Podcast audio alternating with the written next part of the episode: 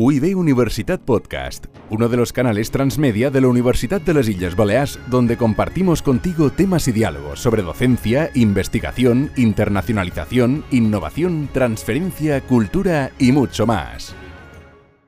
Hola, buenas tardes. Mi nombre es Antonia Pades, soy doctora en psicología y enfermera, profesora titular del Departamento de Enfermería y Fisioterapia de la Universidad de las Islas Baleares. Y este audio que voy a iniciar trabaja o va a tratar sobre la terapia familiar sistémica. Estamos dentro de una asignatura de comunicación y salud me gustaría que mis alumnos pudieran ampliar este punto de, en concreto del tema 6 en relación a la terapia familiar.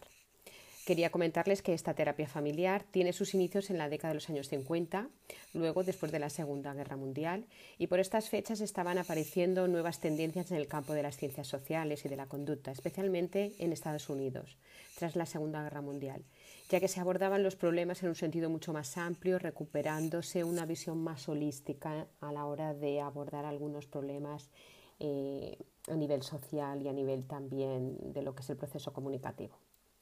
Con el nacimiento de la cibernética, la teoría general de sistemas, la teoría de la información, la teoría de la comunicación, la semiología y los modelos estructurales, y bajo un contexto de esta posguerra, en Estados Unidos se crean una serie de centros de atención clínica focalizados sobre todo en la familia. Primero se empieza a rotular el término de terapia familiar al tipo de intervención que se ofrecía, y esta terapia surge debido a una serie de resultados con una serie de terapias tradicionales que parecía que no funcionaban y que con esta nueva forma de trabajar, con esa terapia familiar, parece ser que las intervenciones realizadas podían generar una serie de cambios con una mayor rapidez. Los pioneros de la terapia familiar parten de dos fundamentos centrales. Por un lado, quieren favorecer que el discurso planteado por la psiquiatría y por otro, quieren retomar también otras ciencias como la antropología, la comunicación o la sociología. En el primer enfoque, en este primer fundamento central, inicialmente se trabaja con pacientes esquizofrénicos y luego se empieza a vincular a la familia, puesto que las intervenciones realizadas no, se iban, a obtener, no iban a obtener esos resultados esperados.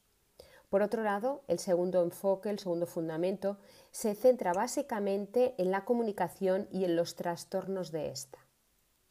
Hay algunos autores que cuando hablan o aluden al enfoque sistémico tienen como bases conceptuales lo siguiente. Dicen que el sistema familiar es como un todo, como un organismo estructurado e interdependiente, que se comunica con una serie de pautas de interacción y en las que el individuo solo es uno de sus componentes. Su valor tiene que ver con la función y la posición en este sistema. Por lo tanto, podemos decir que el sistema familiar es un todo, que está estructurado, que es independiente y que además cada uno de los individuos es en sí mismo un componente con un valor y con una posición determinada. En este sentido, las investigaciones van a girar entonces al estudio de la familia como un sistema, apoyado además por una serie de observaciones eh, realizadas a las personas para ver el comportamiento que tienen en este hábitat familiar. Uno de los objetivos de la terapia es eliminar una configuración rígida de comportamiento disfuncional dejando más el espacio a un posible surgimiento de algo más flexible, más funcional. Así eh, tenemos autores como Don Jackson en 1958 en Mental Research Institute que él lo que hacía que orientaba al ejercicio y al estudio de esta terapia familiar. Hasta la fecha es una de las escuelas más significativas en terapia familiar sistémica.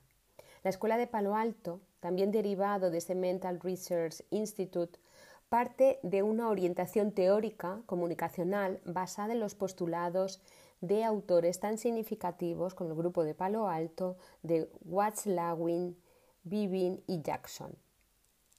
La teoría de la comunicación ha aportado a la configuración de la terapia familiar sistémica un análisis de interacción entre ambas partiendo del interés, por un lado, de estudiar las reglas que guían las diferentes formas de interacción social y por otro las aportaciones de esta escuela de palo alto, la teoría de la comunicación humana. eh, la teoría de la comunicación humana promulgada por Palo Alto nos decía que la comunicación es un sistema abierto en intercambio de informaciones con su entorno.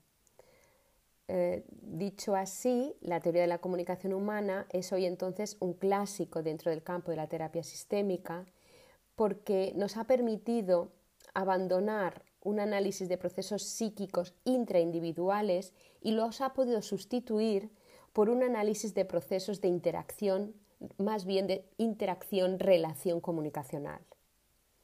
Debemos decir que cuando hablamos de comunicación desde el punto de vista de la terapia familiar, la familia hemos dicho que se entendía como un todo y que uno de los primeros principios que debemos recordar es que la comunicación es la base desde la cual eh, se van a construir todas las relaciones de cada uno de los integrantes de esta familia. Por otro lado, la falta de comunicación va a ser uno de los primeros y fundamentales problemas familiares. El contexto familiar va a condicionar también esa comunicación. Por otro lado, las experiencias vividas de los involucrados dentro de la familia y sus eh, interrelaciones nos van a dar un efecto en la comunicación y también en la conducta. Las relaciones de los sujetos dentro de este núcleo familiar van a, va a ser fundamental. Atendiendo a este grupo de palo alto, la comunicación humana está compuesta por tres áreas, un área sintáctica, una semántica y otra pragmática. El área sintáctica tiene que ver con la transferencia del mensaje, el área semántica con el significado de este mensaje y el área pragmática con la afectación que la comunicación tiene sobre la conducta humana.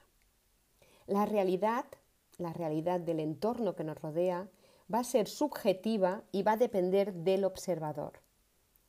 La comunicación entonces requiere y presenta un desarrollo a partir de la interacción, a partir de la interacción en las relaciones, de esas relaciones que pueden ser positivas o negativas, siendo sistémica en su función propiamente dicha. Es preciso conocer y entender la noción del sistema para ver luego sus efectos más específicos. Cuando hablamos de sistema, lo que nos está diciendo el grupo de Palo Alto es que se han dado muchas definiciones diferentes de sistemas. Nosotros entenderemos a un sistema como un conjunto de objetos o elementos que se relacionan entre sí.